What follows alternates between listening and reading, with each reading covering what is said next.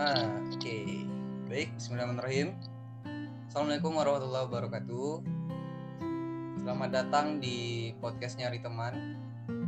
Memang podcast ini diperuntukkan untuk saya sendiri ya. Saya sendiri dan uh, audiens saya yang rutin mendengarkan ini untuk bagaimana teman-teman baru saya ajak ngobrol di sini, tukar pikiran, mendengar pengalaman dan cerita-cerita dari orang-orang yang saya anggap teman gitu ya.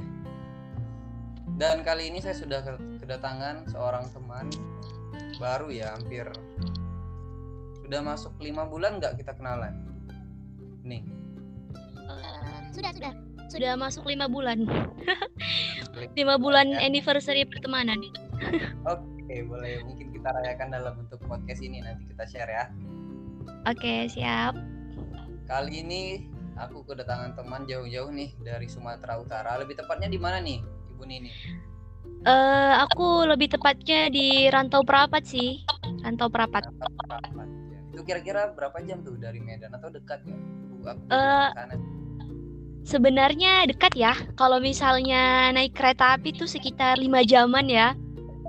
Dekat ya, kalau... ya lima jam kereta api. Oke oke. Okay. ya dekat gitu. nah kalau misalnya naik mobil, bus atau kendaraan itu sekitar 7 ma 7 jaman gitu. 7 jam, 9 gitu-gitu deh. Oh iya. Itu ya mungkin kategori dekat lah ya bagi seorang Nining gitu ya. Oh ya nih ya. tadi kita kenalan nih. Mungkin Nining bisa kenalin dirinya secara singkat dulu kepada teman-teman yang mendengarkan ini mungkin. Oke, okay, baik. Uh, Sebelumnya terima kasih ya kepada uh, Wapres Wapresma Unja ya, masya Allah. Saya ini sebenarnya deg-degan nih, nggak tahu deg-degan kenapa nih soalnya it's my first time. Wah. Oke baik, hmm, perkenalkan ya, nama aku Nining Dia Ayu. Saat ini sedang menempuh pendidikan di salah satu universitas Islam negeri di Medan.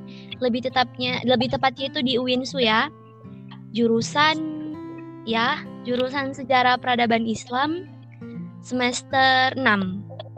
Dan kesibukan saat ini tuh udah semester akhir kan, jadi sibuk-sibuk KKN dan eh, proposal, artikel. semester, semester 6 tuh semester akhir ya? ya udah udah mau menuju kan, udah mau menuju. Ya, nah, jadi semester 8 ini mungkin ya rada-rada gimana gitu kalau dengar semester 6 udah semester akhir gitu ya. Iya ya, ya gitu. Ya, jadi ya, agak ya. jadi agak deg-degan. Jadi kesibukannya hari-hari terakhir Dan, ini ngapain? Uh, akhir-akhir ini aku lagi ini sih, lagi nyiapin artikel mau publish ke salah satu jurnal. Dan ini insya Allah ya lagi tahap revisian. Semoga minggu depan atau dua minggu lagi tuh ke submit dan keterima gitu.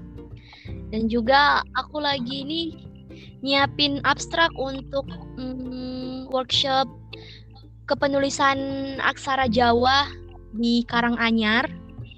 Jadi itu eventnya diadakan bulan Agustus.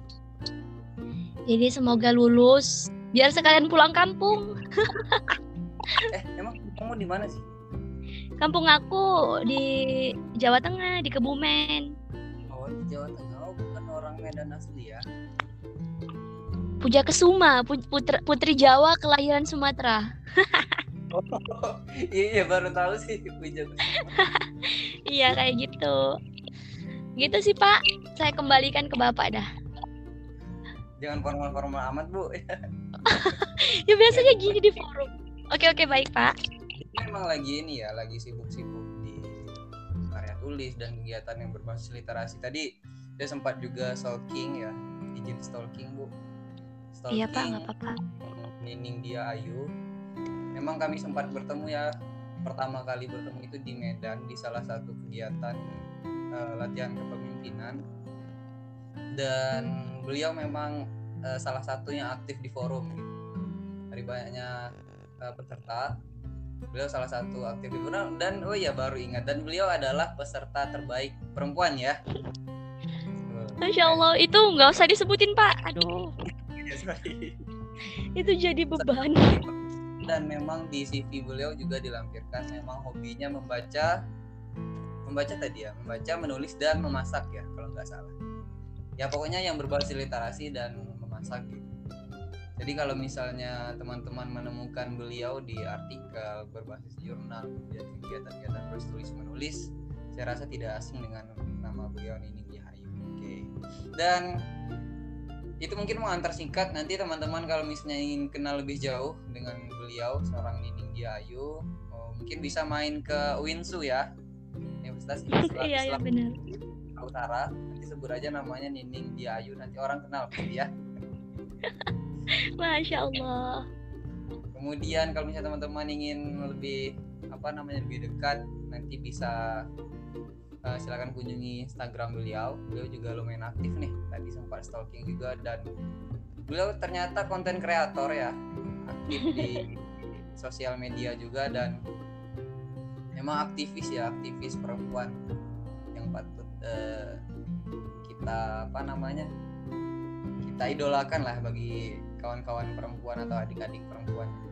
Oke, pada malam hari ini uh, kita akan membicarakan karena masih berbasis masih di bulan Juni ya, kita akan membicarakan tentang bulan Juni. Itu ada peristiwa yang apa namanya melahirkan sejarah yang tidak terlupakan bagi Indonesia itu sendiri dan melahirkan falsafah ataupun dasar dari bangsa Indonesia.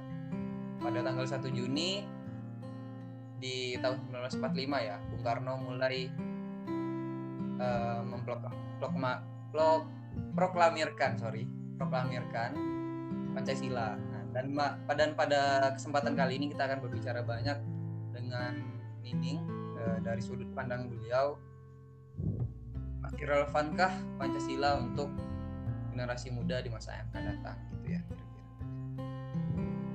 Uh, kemudian nih langsung masuk pertanyaan nih ada ada pertanyaan-pertanyaan yang sudah muncul di benak saya ketika sudah ingin bilang berdiskusi saudari Nining.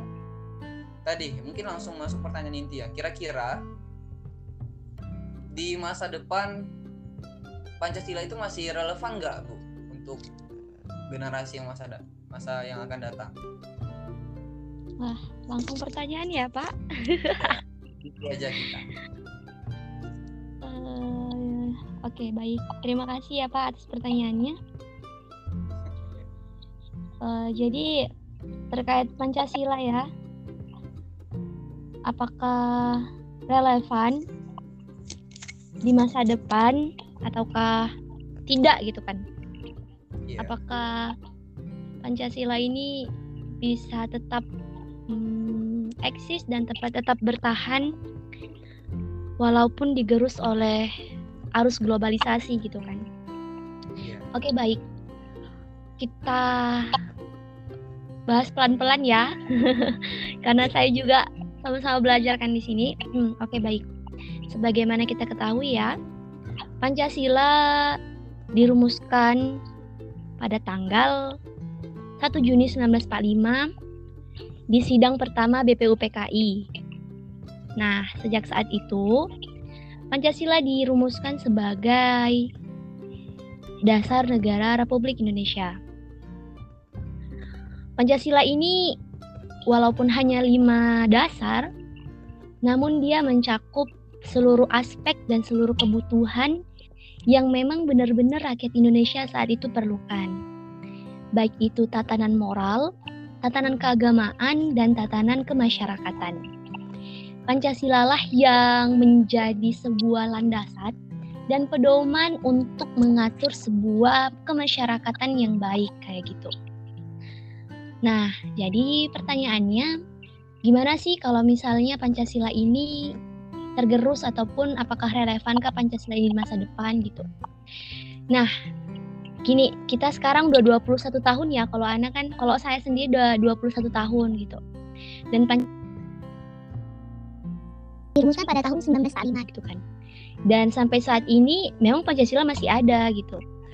Nilai-nilainya juga masih ada gitu kan. Namun hanya sedikit orang yang bisa mengamalkan ataupun mengambil intisari dari Pancasila ini. Yeah. Dan juga banyak ya kalau misalnya teman-teman lihat di salah satu konten kami milenial, ma promosi nih oh. Ana. nah, oh, kalau misalnya dari kami milenial ya. Oke, lanjut lanjut. Iya, benar. nah, jadi tuh di salah satu postingannya itu yang memperingati tentang kelahiran Pancasila ya. Di situ dijelaskan ataupun dituliskan kalau misalnya Pancasila ini digunakan sebagai bahan baku hantam oleh ya oknum-oknum yang tidak bertanggung jawab gitu kan uh, menjadi salah satu uh, tameng gitu kan untuk tindakan yang seharusnya tidak mereka lakukan seperti itu. Berbicara tentang Pancasila, menurut pandangan dari saya sendiri, dari aku ya, aku pribadi itu sangat relevan gitu. Kenapa? Karena ya pembentukan Pancasila itu sendiri ya tidak serta merta itu dalam satu malam gitu. Dalam sekali jadi dan harus nih gini gini gini. Tapi itu ada pertimbangan yang matang gitu. Pertimbangan yang memang benar-benar uh, harus semua rakyat Indonesia itu merasa ikut andil dalam pembentukan ini gitu. Nah jadi uh, Pancasila ini sendiri menurut Ana memiliki sebuah nilai yang sangat mendalam ya, memiliki rasa dan juga pemaknaan yang sangat dalam. Maka dari itu, untuk di masa depan relevansinya uh, masih masih tergolong ini sih, masih tergolong dapat digunakan gitu. Kalau misalnya kita lihat ya, ada banyak krisis krisis moral, lalu ya kalau i, anak muda tuh free sex dan pokoknya tindakan moral yang mengarah kepada kehancuran gitu. Uh, jadi uh, walaupun Pancasila ini sebagai dasar negara gitu kan, tapi pastinya ada dong oknum-oknum yang memang benar-benar uh, mengambil uh, apa namanya mengambil intisari dari Pancasila ini sebagai uh, acuan mereka untuk berkehidupan gitu kan. Walaupun ya tidak tidak terlalu monoton gitu kan. Misalnya nih uh, kita toleransi me, apa namanya menghargai kepercayaan orang lain seperti itu. Nah, itu salah satu pembuktian dari nilai Pancasila itu sendiri gitu kan. Ketuhanan yang Maha Esa gitu. Artinya apa? nilai nilai-nilai seperti itu harus dilestarikan dan harus dipertahankan guna mewujudkan masyarakat yang benar-benar uh, madani gitu. Masyarakat yang benar-benar uh, bisa baik ke depannya gitu. nah, gitu ya ya tertata gitu. Jadi uh, teratur gitu dalam kesinambungan gitu.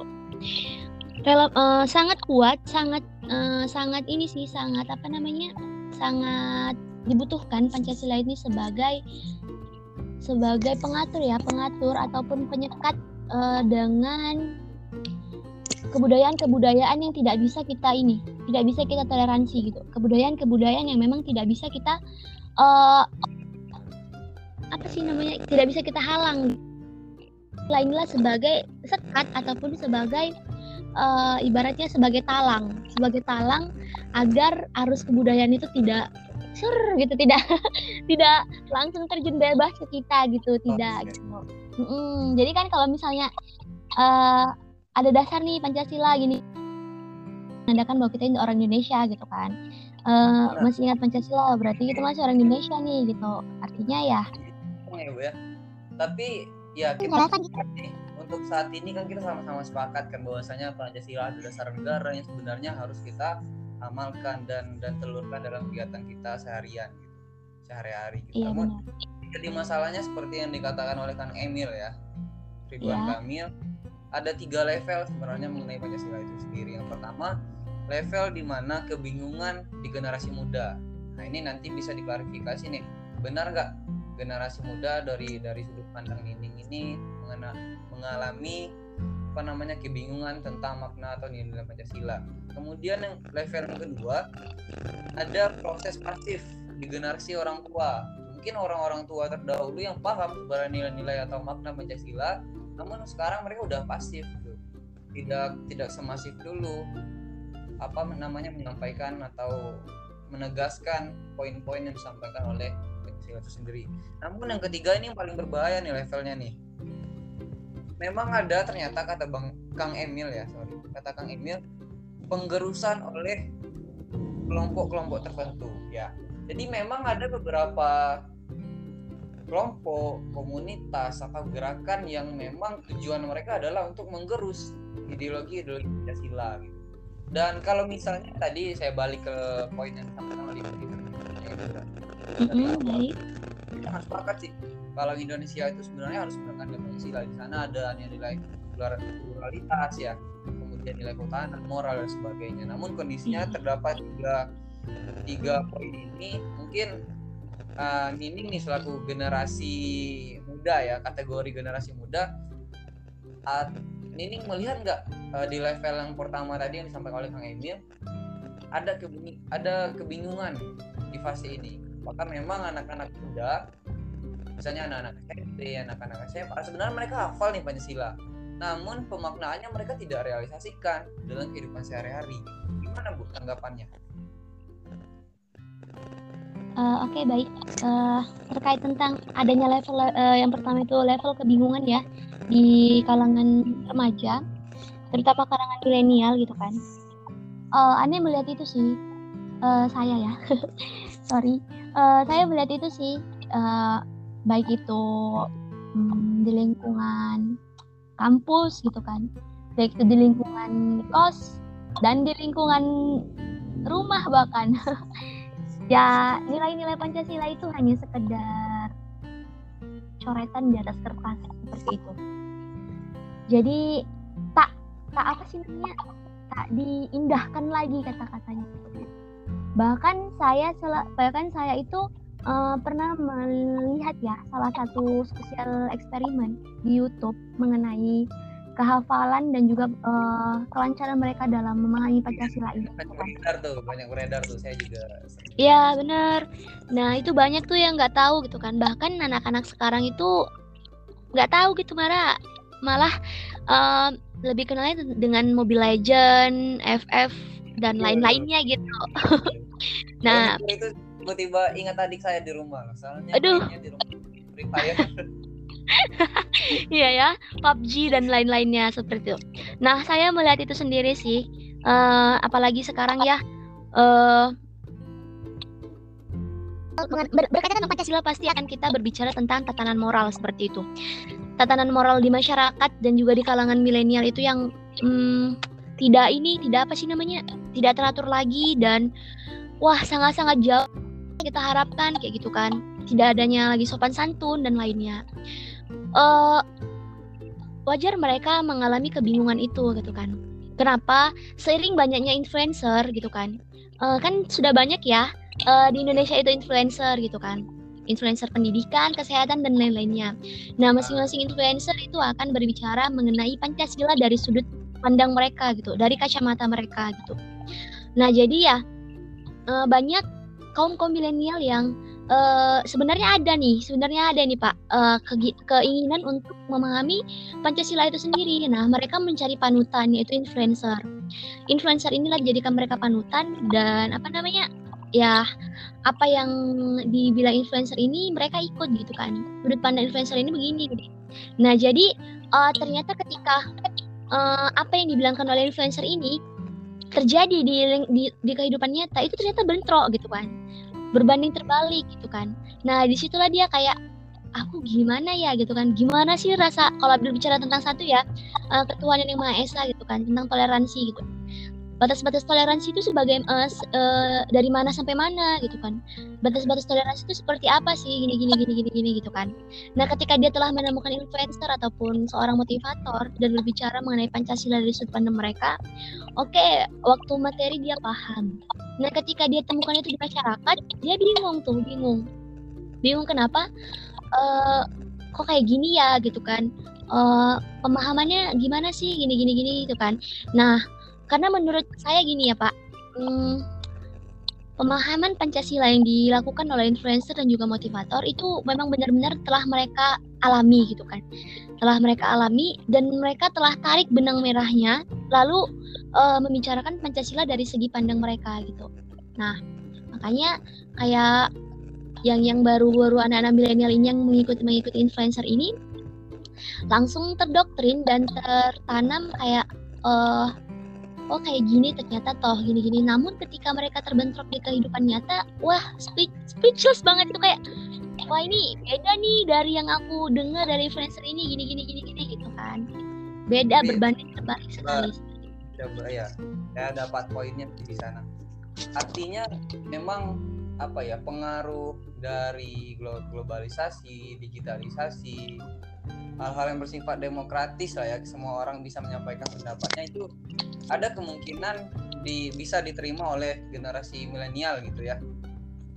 ya Dan benar. bagi tapi itu juga sebenarnya bisa ber apa namanya ber, berakibat fatal kalau misalnya influencernya menyampaikan hal-hal tidak sesuai dengan nilai-nilai yang dibawa oleh Pancasila.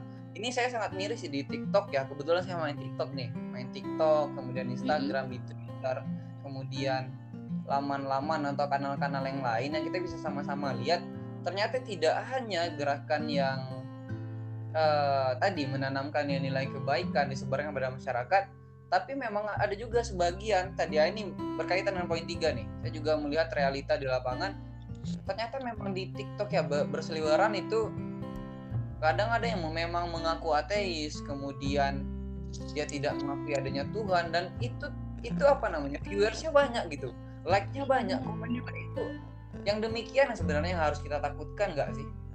Iya benar sekali seperti itu. Ya benar. Benar. Jadi kayak yeah. Iya. uh, milenial ini jadi kayak kehilangan arah gitu kan? Wah aku harus ke mana nih? Harus ke mana nih? Gini gini gini. Gitu. atau atau gimana? ya pendidikan di sekolahnya tidak mencukupi atau bagaimana menurut atau uh. pendidikan kuliah lah ya di kuliah ibu belajar uh, Pancasila nggak? Belajar. belajar Pancasila. Ya, Iya benar, ada mata kuliah Pancasila. Oh, lagi ibu yang jurusan sejarah ya, mungkin nanti. Eh mata kuliah apa sih? Keluarga negaraan, Deng. Eh mata kuliah apa sih? Lupa kok kayaknya tuh. Mm, ada belajar tentang Pancasila. Dan kami melakukan sosial eksperimen. oh, ada sosial eksperimen juga? Iya, di kalangan di kalangan para aktivis kampus. Iya Ya berarti di di poin yang pertama disampaikan oleh Kang Kang Emil ya, adanya kebingungan di generasi muda mungkin kita coba simpulkan diakibatkan oleh arus informasi yang memang bebas ya. Iya, informasi benar. apa pun mungkin itu juga efek dari demokrasi itu sendiri. Karena setiap orang bisa berkomentar.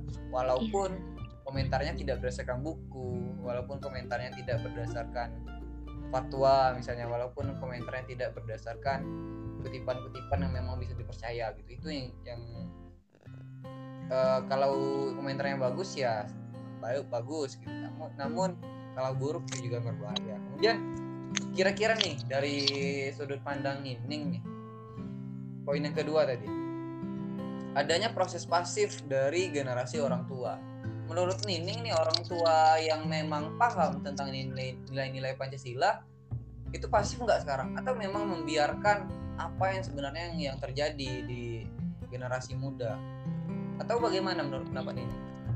Uh, Oke okay, Pak. Dari kelihatan. Iya ya benar-benar. Ini menarik sih benar ya. Karena ada golongan muda dan golongan tua sekarang ya. benar-benar benar. Nah jadi hmm, tentang peran orang tua ya maksudnya orang-orang yang sudah tua dan memang uh, dapat dikatakan berpengalaman lah gitu ya nah jadi kalau di rumah saya uh, itu kebetulan uh, tiada hari tanpa sebuah obrolan sejarah gitu pak. Nah jadi iya benar.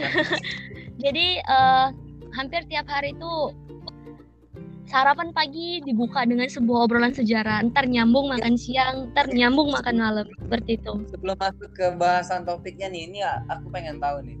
Orang tua Nining itu guru sejarah atau sejarawan atau bagaimana? Nah, jadi uh, background orang tua saya itu tidak sejarawan gitu ya. Namun almarhum kakek saya yang di Jawa itu seorang veteran gitu. Oke. Nah, ya jadi uh, mama saya tuh selalu ini ya sebelum mama tidur tuh Iya, mama itu ibu ya. Biasa orang lagi rumah. nah, jadi tempat saya mama itu paman gitu. Oke, lanjut lanjut. Oh, oh baik-baik. Kosakata baru ya, Pak. Baik-baik. Nah, ibu ya, ibu ya. Nah, jadi uh, kalau ibu saya itu selalu cerita mulai dari saya TK selalu didongengkan ya istilahnya ya sebelum tidur itu tentang perjuangan kemerdekaan itu gimana gini gini gini gitu kan sampai nanti waktu mensuapi saya makan pun menyuapi saya makan itu juga cerita tentang Indonesia gitu nah jadi oh. kayak Oke. Nilai Indonesia kan ditanamkan dari rumah gitu ya.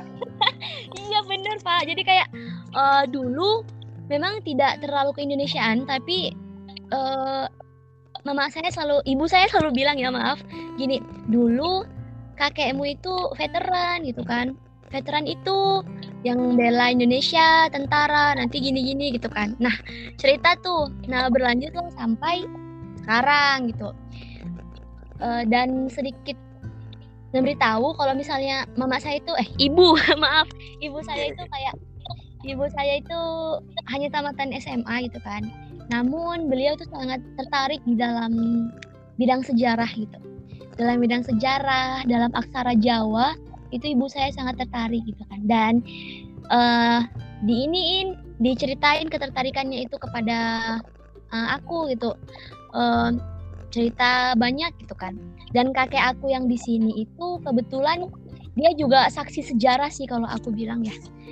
Dia juga ngerasain masa penjajahan Belanda di rantau perapat ini gimana gitu kan. Di Jawa Timur itu gimana. Karena uh, orang tua saya dan kakek saya ini transmigran gitu pak berpindah-pindah pernah ke Pulau Jawa, Pulau Kalimantan dan menetap di Sumatera akhirnya.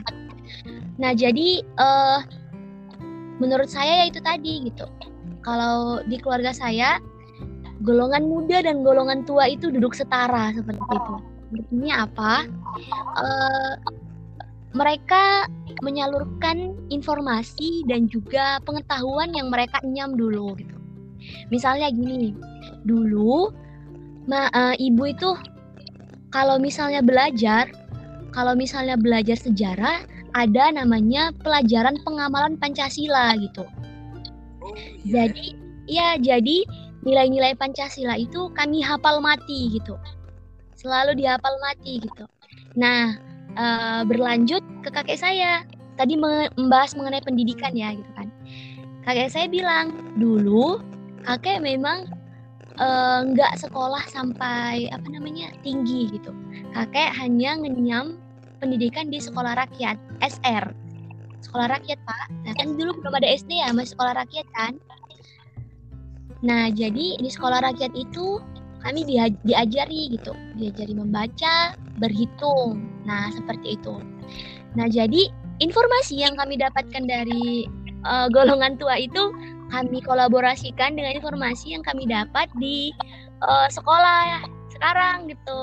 Nah, jadi ketika ada sebuah pembelokan ataupun simpang siur, di situ langsung dapat diluruskan dan kayak kayak kayak gimana ya? Kalau misalnya kita bicara sama orang kan kita sendiri kan bisa dapat bisa narik benang merahnya gitu kan Pak kayak menarik sebuah kesimpulan gitu nah itu jadi kayak itu sih uh, kolaborasi antara golongan muda dan golongan tua gitu.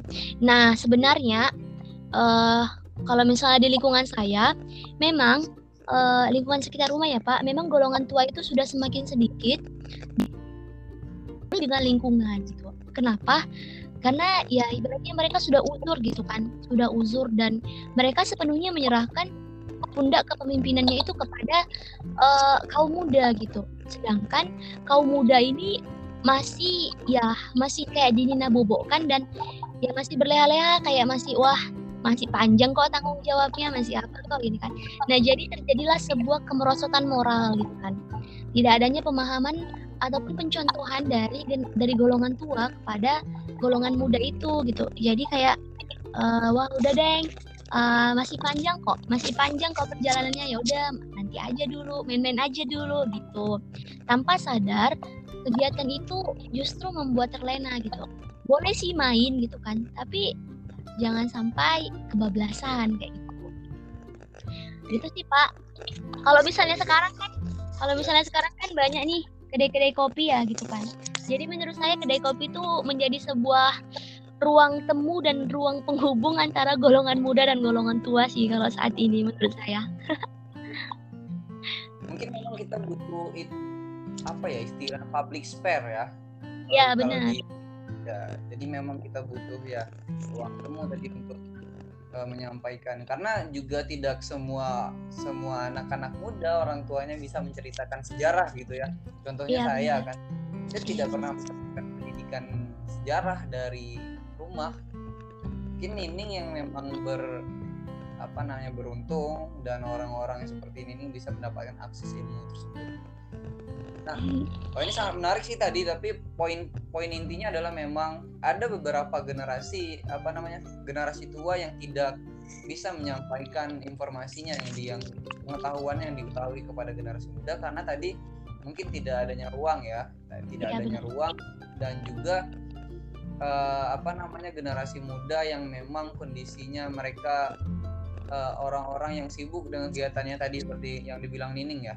Uh, mereka, mereka merasa mereka superior mungkin ya dan mereka merasa mereka masih lama juga uh, menempuh bidang itu. Oke, sangat menarik. Kemudian kita pada level yang ketiga nih.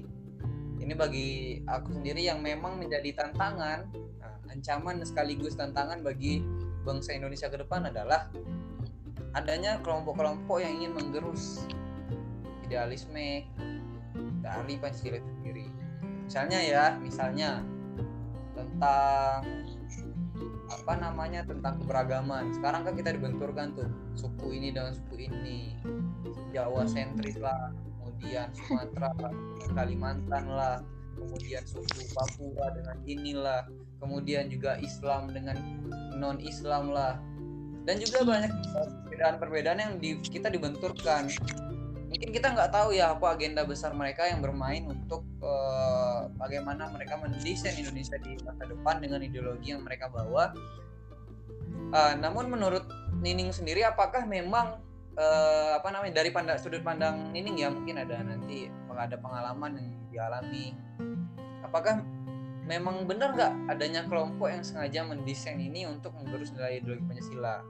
Kemudian yang kedua, pertanyaan untuk poin yang ketiga ini adalah uh, kalau misalnya memang ada, uh, sanggup nggak kira-kira Pancasila ini bertahan hingga masa depan? Oke, baik Pak. sangat ini ya, sangat apa namanya? Sangat ibaratnya pertanyaan itu creepy. Wah. Jadi hmm, pertanyaan yang pertama itu apakah apakah apa tadi pak? Aduh.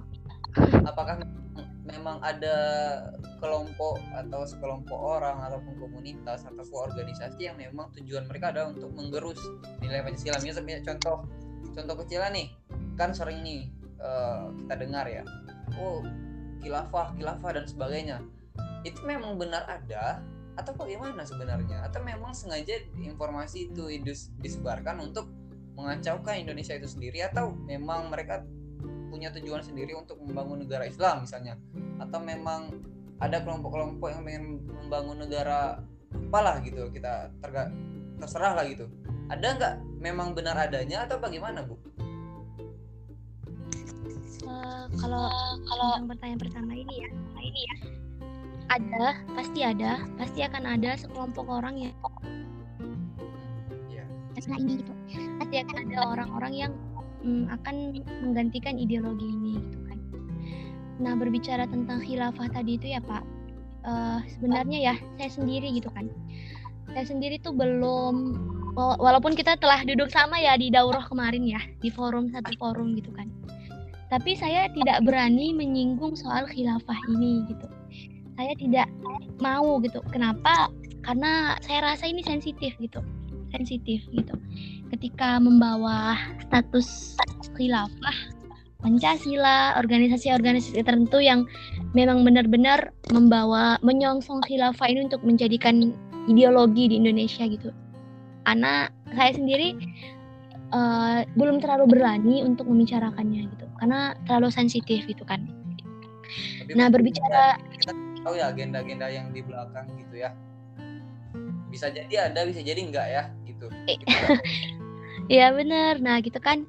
Nah jadi kehidupan beragama di Indonesia ini kan memang benar-benar yang terpenting dalam masyarakat gitu kan.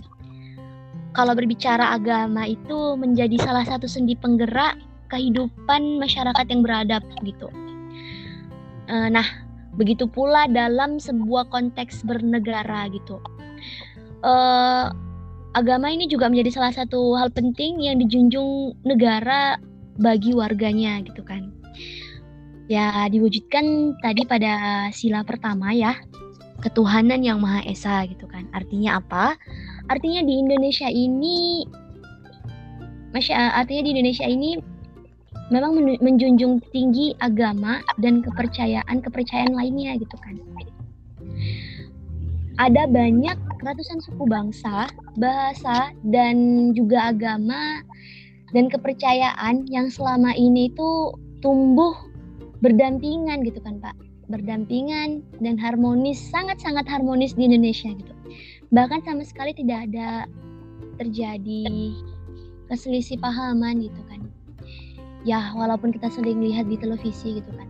Namun ya saya tidak percaya dengan sepenuhnya di televisi sih gitu kan karena saya sudah mengalaminya secara pribadi gitu kan dan ternyata toleransi itu indah gitu toleransi itu bisa diterapkan gitu kan selama ada batasan-batasan tertentu dalam toleransi itu gitu kan Iya. Nah. Iya, sepakat, sepakat sih. iya benar nah berbicara dengan negara negara ini kan Indonesia dibangun dengan sebuah semangat keberagaman dan toleransi gitu kan tidak mungkin memang saat itu masyarakat ataupun masyarakat Islam adalah mayoritas di Indonesia di Nusantara gitu kan namun tidak menutup kemungkinan masyarakat-masyarakat di pedalaman Sumatera Utara, di, di pedalaman Kalimantan dan lain-lainnya itu eh, sepenuhnya menganut agama Islam gitu tidak. Walaupun proses Islamisasi telah tersebar ke sana gitu kan. Namun kita tidak dapat mengklaim bahwasanya Islam adalah pelopor eh, pendiri negara gitu. Saya tidak bisa mengklaim itu Pak gitu. Kenapa? Semangat kemerdekaan itu ada di tiap-tiap jiwa yang saat itu turut berpartisipasi dalam memperjuangkan kemerdekaan. gitu kan. Pada saat itu rakyat Indonesia tidak lagi memper- mementingkan apa rasmu, apa sukumu, dan apa bahasamu itu tidak lagi dipentingkan gitu. Ya tujuannya satu gitu, Indonesia merdeka gitu kan. Ya banyak makanya banyak eh, banyak saat sekarang orang bilang gitu kan. Dulu musuh kita itu adalah nyata, penjajah, Belanda, Jepang gitu kan. Iya. Di saat ini musuh kita itu tidak nyata gitu kan. Ideologi, kita akan berperang ideologi gitu kan. Ideologi mana yang akan kau ikuti gitu kan? Ideologi mana yang akan bertahan sampai ke depannya, yang akan tidak mudah tergerus oleh zaman gitu kan. Eh berbicara tentang konsep khila- khilafah ya Pak, pasti akan beberapa akan ada beberapa oknum-oknum yang eh, apa namanya mengusung konsep ini gitu kan mengusung ide- mengusung ideologi ini menjadi ideologi yang tetap di Indonesia gitu. Nah kalau Kita nggak tahu ya yang yang mana gitu ya. iya benar Pak gitu, ya Ana agak ini sih agak sensitif gitu bahas ini gitu. Sebab Udah ya udah kita skip. ya tunggu tunggu Pak, ini sebisa mungkin saya bahas senyamannya gitu kan. Kan tadi Bapak bilang menurut pandangan saya pribadi gitu kan. nah, jadi menurut pandangan Ana pribadi gitu kan. Memang Allah sudah janji kalau misalnya khilafah itu akan tegak gitu. Eh khilafah itu akan tegak gitu dan akan terwujud gitu kan. Itu janji Allah gitu kan. Namun kita tidak tahu di mana khilafah itu akan juga dan akan muncul gitu. Kita nggak tahu gitu kan. Mungkin nanti akan banyak yang bilang ya makanya kita harus mengupayakannya gitu mengupayakannya gini gini gini kan. Boleh gitu kan. Boleh kita mengupayakan itu kan. Tapi ingat gitu kan. Tapi ingat bukan kita sendiri aja gitu yang hidup di sini gitu. Ada banyak ras dan juga keberagaman yang. Harus kita jaga gitu. Ibaratnya kalau misalnya Ana ya Pak kalau misalnya Ana pribadi itu egois sih gitu kan egois gitu. Kenapa? Karena ya egois gitu. Memaksakan seseorang ataupun memaksakan harus ideologi ini harus ideologi ini gitu kan. Padahal ya pembentukan ideologi Pancasila itu telah disusun sematang-matangnya dan sedemikian dan sedemikian rupa agar semua masyarakat Indonesia me ini mengapa namanya menyetujui dan Mm, benar. Bahkan sekali itu ya sebelum diubah menjadi ketuhanan yang maha esa istilah pertama itu sebelumnya itu begini bunyinya. Eh kewajiban kewajiban beribadah bagi setiap pemeluk-pemeluknya gitu. Bukan bukan deng pokoknya ada istilah Islam gitu ya. agama iya ada istilah agama Islamnya gitu kan nah namun di situ diganti gitu karena Indonesia tidak walaupun mayoritas tapi ada ya tapi ada suku-suku bangsa yang eh, yang ikut serta dalam memperjuangkannya gitu. Jadi Ya. ini konten sensitif. Aneh nggak berani aneh nggak berani? hanya saya sendiri sih mengartikan khilafah saya sepak saya saya sangat sepakat eh, salah satu politisi pernah bilang khilafah itu kan konsep. Iya. Bukan bukan memang benar-benar. Negara Islam ini, ini saya pernah dengar politisi bilang itu ya. Saya belum Iya. mengkaji lebih dulu bagaimana konsep oke kita lupakan khilafah dulu tapi bahwa itu dari tadi pandang ini dan satu hal yang menarik juga yang saya coba simpulkan dari tadi adalah kita ini beragam sangat beragam gitu. Dan tidak hanya tentang nilai kemerdeka kemerdekaan kenapa kita bisa satu di bawah nama eh, apa namanya di bawah nama Indonesia eh di Pancas- Pancasila pun lahir dari inventarisasi. Jadi jadi bapak bapak apa namanya founding fathers kita itu sebelum mendirikan Pancasila itu mereka memang didata dulu nih kita cocok nggak eh, dengan kemudian kita cocok menerapkan menerapkan ini. Kemudian ternyata didata didata didata didata dilihat Indonesia itu beragam agamanya beragam sukunya beragam bahasanya eh, kemudian terpecah-pecah apa pulau-pulau besar dan sebagainya ya. Barulah dilahirkan Pancasila yang itu bisa merekatkan kita sampai saat ini. Nah, itu sih poin penting yang coba saya tangkap yang disampaikan oleh eh, Nining tadi ya. Iya benar Pak. Jadi ini sedikit eh, apa namanya? Sedikit note ya catatan gitu kan. Eh Ana tuh selalu merinding kalau misalnya melihat live streaming upacara kemerdekaan Republik Indonesia di TV gitu. Di TV One gitu. Ana selalu merinding gitu. Apalagi Iya, iya bener Pak. Ya Allah Ana merinding ya. Mau nangis. Jadi di setiap jajaran paling depan kursi itu pasti akan ada para veteran gitu kan. Nah jadi eh nah jadi kayak gimana ya? Kayak kita kayak mengini sih mengapa namanya?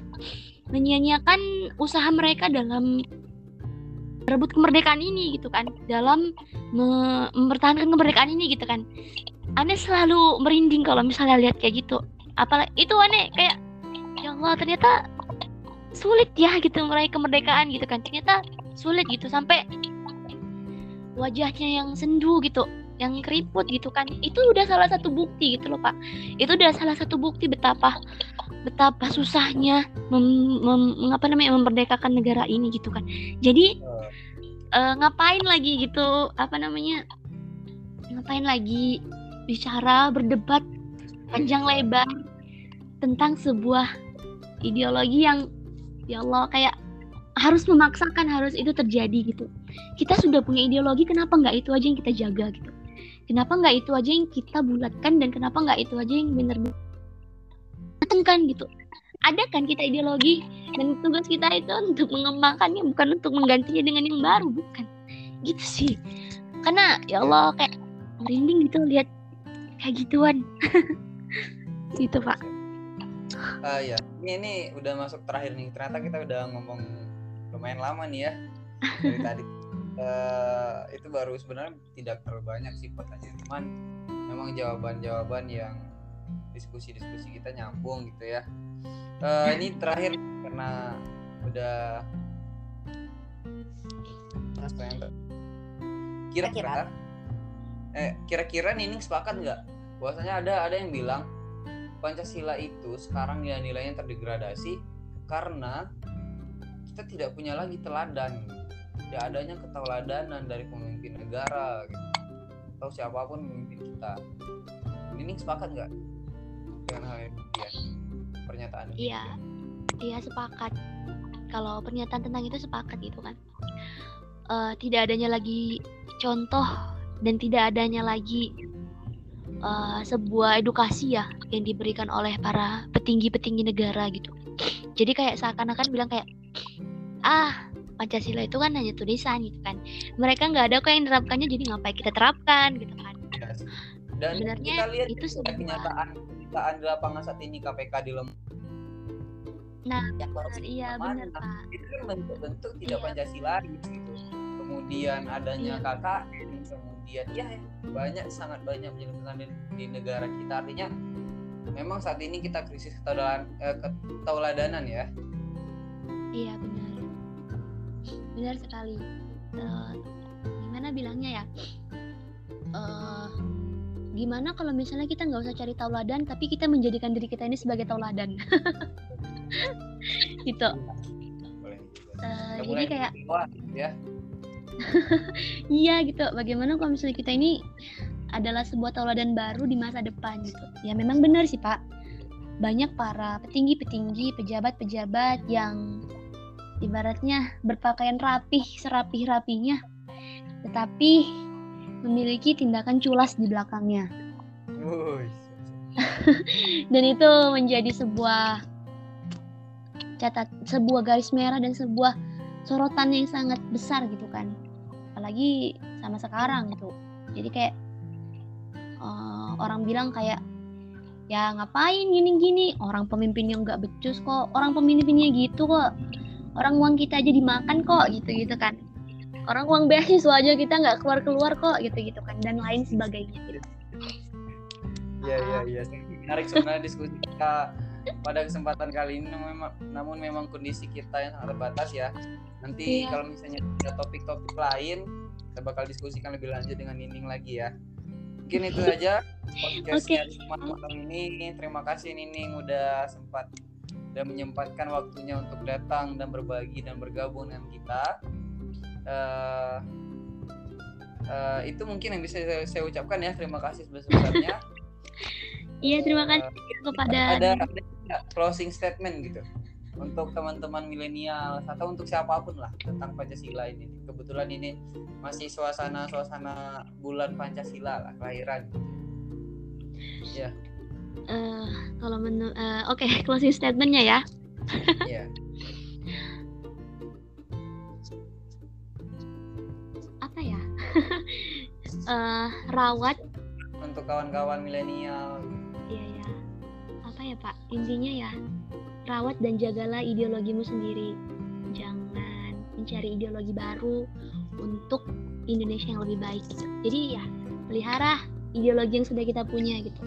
Dan kembangkan dan jadikan itu sebagai sebuah pedoman yang sangat kuat dalam hati kita. Oke, itu. Terima kasih ya Nining. Iya dan satu lagi jangan pernah lupakan sejarah ya. oh, jas merah ya. Iya benar. Ya siap. Thank you ya Nining ya. Okay. Kapan-kapan diskusi lagi kalau sempat bertemu kita bertemu lagi dengan teman-teman yang mungkin pernah satu forum ya. Jadi ya, itu saja untuk kesempatan kali ini. Saya Dorel Effendi. Assalamualaikum warahmatullahi wabarakatuh.